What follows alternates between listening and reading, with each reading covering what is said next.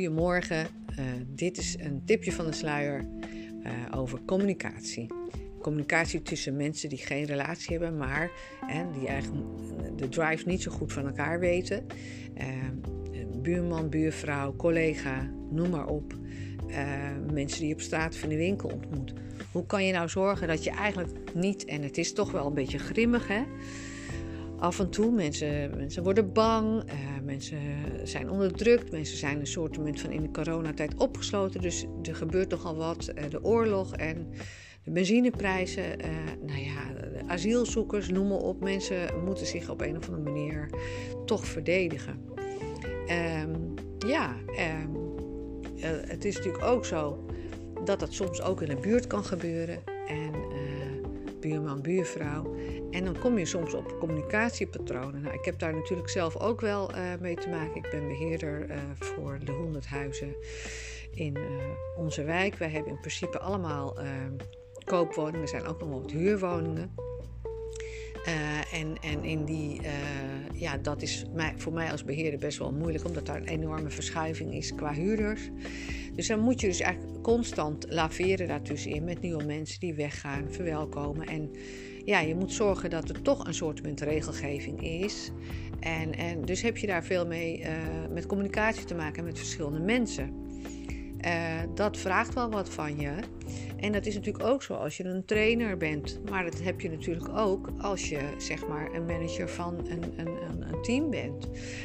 Maar sowieso heb je dat ook als je in de winkel staat of in de wachtrij of, of een parkeerplek zou moeten vinden. Of noem maar op, Schiphol, wachtrij.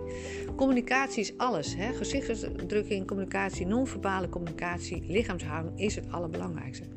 Maar vaak in de app heb je dat natuurlijk niet. In een app moet je het echt via de woorden doen. En als het voor mij heel belangrijk is, dan spreek ik in. Want dan kan je namelijk de tonatie aanpakken, hè? de toon en uh, nou ja wat vaak van belang is, is dat je eigenlijk gaat kijken: wat is nou de drive van deze persoon? Waarvoor is deze persoon nou super boos op mij? En, en wat is hetgene wat deze persoon eigenlijk op deze manier zou willen halen? Ja. Uh, heel vaak is het zo dat, dat op een of andere manier dat er iets gebeurd is tussen jullie, het, eh, tussen, tussen de persoon, of deze persoon staat op die manier in de wereld, dat hij zich achtergesteld voelt, of niet bewonderd voelt, of niet gerespecteerd voelt. En dan zijn er bepaalde manieren, en dat heeft te maken met IQ en EQ, dat mensen ja, woorden gaan gebruiken. En uh, ja, uh, vaak is het zo als we mensen een overtuiging hebben van ik ga uh, hard schreeuwen of maaiende gebaren maken of, of op de app gewoon heel kort en dan zijn mensen best wel asociaal. Dan moet je natuurlijk eigenlijk in mijn geval, geval of in een training moet je heel duidelijk zijn. En dan moet je natuurlijk eigenlijk de regels uit kunnen leggen. Mensen hebben vaak met mensen in, uh, als mensen training geven of mensen zijn uh, een manager.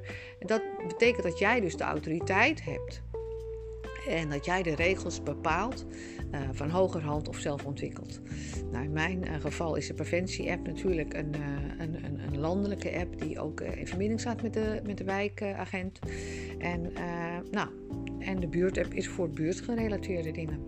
Ja, en dat kan natuurlijk super, super, super fout gaan. En thank God ben ik NLP-trainer en ben communicatief. En kan ik mezelf uh, best sterk. En kan ik mezelf ook wel zeg maar indenken. Wat is nou hetgeen wat deze meneer of mevrouw of buurman of buurvrouw zou willen hebben. En wat is nou eigenlijk gebeurd. En vaak is het zo dat deze persoon eigenlijk in zijn eigen sociale cirkel zit, of in zijn eigen uh, trauma zit of drama zit. Van ik word niet gehoord, niet gekend en ze moeten me mij ook altijd hebben.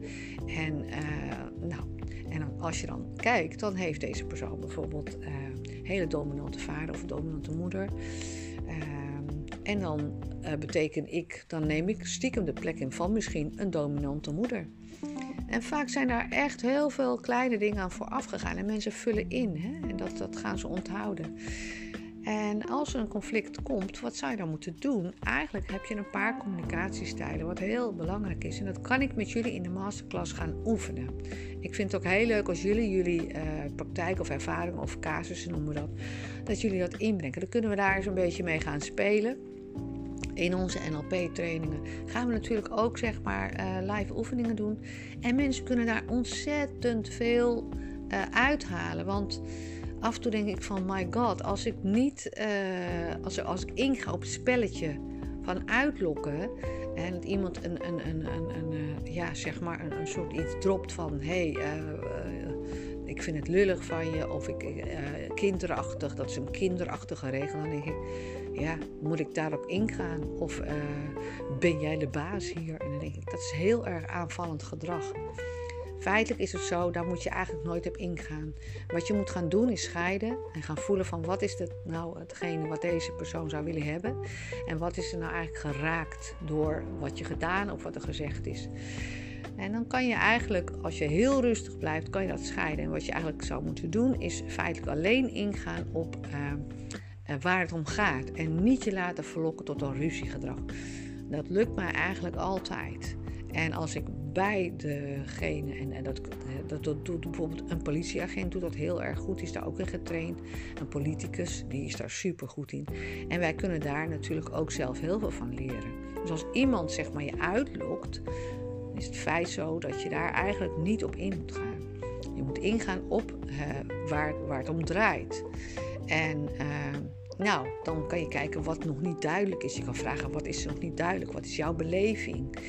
En dan eigenlijk, als jij ergens bij zou zitten en de ander, dan mag je, hij mag het gevoel wat, er, wat er gebeurt, hè, wat, wat, wat de regel of wat de situatie is, wat gebeurt er nou eigenlijk als, hè, uh, ik kijk wel eh, af en toe naar de rijdende rechter, vind ik interessant, want hè, dan kan ik als trainer ook eens kijken van wat de communicatie is. Nou, dat gaat hard tegen hard, bijna tot op de vuist gaan toe.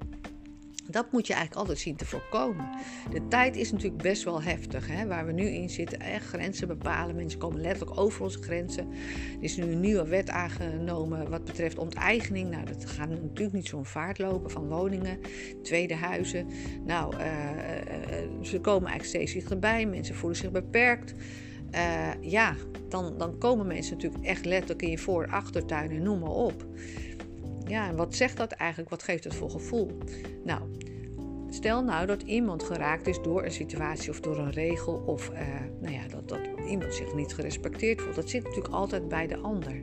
Dat hoef jij niet op te lossen. Maar wat je wel een stukje kan doen, is een klein stukje respect of als je dat zou kunnen invoelen. ik leer managers om uh, te analyseren van hé, hey, wat is nou uh, het gevoel wat mensen bij je, waar ze naar op zoek zijn. Is het uh, bewondering of geruststelling? Ze zijn vaak ongerust of zenuwachtig over bepaalde dingen. eigenlijk zou je moeten weten van wat is nou hetgene waar jij nou echt mee zit. Bijvoorbeeld over een schutting kan het zijn dat iemand echt oprecht denkt: oh my god, die schutting gaat kapot. Nou, daar kan je naar kijken. Maar het kan ook zijn dat iemand eigenlijk dat er heel iets anders achter zit, dat, dat er iets gebeurd is. En eigenlijk kan het helemaal geen kwaad om te vragen van, goh, waar, waar zit je nou echt mee? Als je heel rustig blijft, dan, dan kan je dat bespreken. En het is no, hè, je geeft eigenlijk niet meteen wat weg als je dat vraagt. Mensen zijn eigenlijk bang dat als ze dat geven, als ze gaan vragen, um, en mensen hebben vaak aanvalgedrag. Communicatie is alles. Dus ik ga mensen leren om beter te communiceren. Want als jij gaat aanvallen, en dat gebeurt natuurlijk mij als beheerder en in trainingen regelmatig dat zij een, een dropping, hè, ze droppen bijvoorbeeld dingen van nou ik vind je autoritair of uh, dit vind ik kinderachtig en uh, dat is narrow-minded en uh, nou noem maar op. Ja, mensen gaan eigenlijk altijd tegen regels in. Daar moet je eigenlijk van uitgaan. Als je zeg maar een soort positie hebt waar je mensen dingen moet laten doen of verbieden of bewegen, ja, dan, dan moet je dat niet gaan doen. Als je daar niet tegen en je weet dat je daar weerstand mensen willen graag hun vrijheid of dat ze geen regels hebben. Ja, dat kan niet altijd. En dat, dat moet je ook zeg maar, begrijpen. wat, wat vaak helpt is ook een beetje humor. En het, het een beetje uitleggen. En, en uh, je moet altijd kijken van in hoeverre je uh, een, beetje, een beetje ruimte kan geven. Want als je weer te veel ruimte geeft, ja, dan, dan word je opgegeten als het ware. Hè? Ja, dus dat is eigenlijk altijd voor managers uh, uh, leer ik uh, van hé, hey, in hoeverre kan je meegaan en hoe verder moet je nou echt zeg maar die regel op een goede, respectvolle manier zeg maar gaan poneren. Ja, nou in, in geval van een conflict hoef je niet altijd in te gaan op en, en probeer dat ook in je reflex. Probeer nou eigenlijk niet die bal terug te gooien van ik vind jou kinderachtig of ik vind jou dit viel. Het is eigenlijk een beetje kinderachtig slaan met de schep in een zandbak. Uh, systeem. Hè. Dat deed je als kleuter, dan ging je terugslaan met de slep, schep. Ik weet niet wat ik deed. Maar als iemand met zand ging gooien, dan ging je zand teruggooien. Nou ja, dat zijn we natuurlijk allemaal ontgroeid. Dus je gaat even kijken naar dat zand. Je gaat kijken, wat, hè, waarom gooit deze persoon dat zand? En je gaat even een stapje achteruit en uh, je gaat vragen, goh, wat is er met jou? En, en dan gaat deze persoon weer met zand gooien. En, en je moet eigenlijk aan iemand gaan vragen van, uh, ja, wat, waar, waarom heb je hier last van? Wat, wat is het gevoel bij jou? Hè? Wat is de reden waarom jij hier last van hebt? En communicatie is best wel moeilijk. En soms kan je niet op, bepaald, op hetzelfde niveau komen. Je hebt mensen met een laag EQ, dus emotionele intelligentie, die dat nog niet geleerd hebben. Maar eigenlijk ja, roepen ze toch wel iets van: hé, hey, respecteer me. Ik wil dat niet. Ik wil dat je ook mij respecteert. Nou, kijk dan even wat je kan geven. Dus uh, ga gewoon respectvol ermee om. En, en ga het absoluut niet. Uh, weet je, ik, ik boems dat gewoon terug. Ik, ik heb dat niet eens gehoord. Ik schuif dat eigenlijk altijd innerlijk opzij. En ik ga altijd kijken van. Oké, wat, wat is er eigenlijk met deze persoon gebeurd? Wat kan ik er nog aan doen? Ik ga dat nooit persoonlijk opnemen. A, weet ik van, hé, hey, dit is iemand die op deze manier door het leven gaat. Ik representeer de ouder, de vader, de moeder of de verbroken ex of wie dan ook. Of de baas of wie dan ook. Dus het, het gaat niet om mij. En misschien gaat het wel om mij, maar dan, uh, nou ja, prima. Dan gaan we kijken hoe we dat op kunnen lossen. En uh, ja, je hoeft niet de allerbeste vriend te zijn. En als je natuurlijk een bepaalde positie hebt, ja, dan weet je gewoon dat mensen soms een beetje bozig op je kunnen zijn. En dat het ook wel weer overgaat. En humor helpt altijd. En kijk even waar je kan meebewegen. Of misschien dat dingen niet duidelijk uh, zijn. En ik leg dat meestal uit van waarom de dingen zijn. En dan zeg ik, ja, weet je, hier, hier zou je het mee moeten doen. En dit is voor het algeheel uh, zeg maar voor de groep. En dan kan je niet op individuele wensen ingaan. En, en ook uh, ja, kan je niet alle dingen veranderen, omdat het dan voor degene, in mijn geval, heel veel meer werk is. Nou, en als je dat gewoon uh, heel duidelijk neemt, dan gaat het vuurtje gaat helemaal doven. En wat je dan eventueel kan doen, vaak zeggen van, goh, ik vind het hartstikke aardig en het is hartstikke goed dat je privé even contact hebt. En uh, nou ja, als er nog wat is, kom dan gewoon erop terug. En dan hebben mensen eigenlijk, hè, want, want jij moet eigenlijk niet de boksbal zijn van de frustratie die mensen ergens, dat kan natuurlijk ook, hè, dat is ook een punt. Hè. Het kan iets vanuit vroeger zijn. Jij kan bijvoorbeeld representeren uh, de vroegere uh, baas of, of, de huidige baas of de omstandigheden waarin, waarin mensen zitten. Hè, uh, dus weet altijd van hé. Hey, waarom zou ik het persoonlijk opnemen? Als het je triggert, dan weet je hé. Hey, nou, dan is er nog veel aan te doen. En ik dank God op mijn knie, het universum, dat ik NLP-trainer ben. Dat ik dit allemaal goed kan doorcommuniceren. En ook voor mezelf, uh, nou ja, kan denken: hé, hey, waarom triggert mij? Wat geloof ik nou van deze situatie? Nou, dit kan ik allemaal met jullie uh, doen.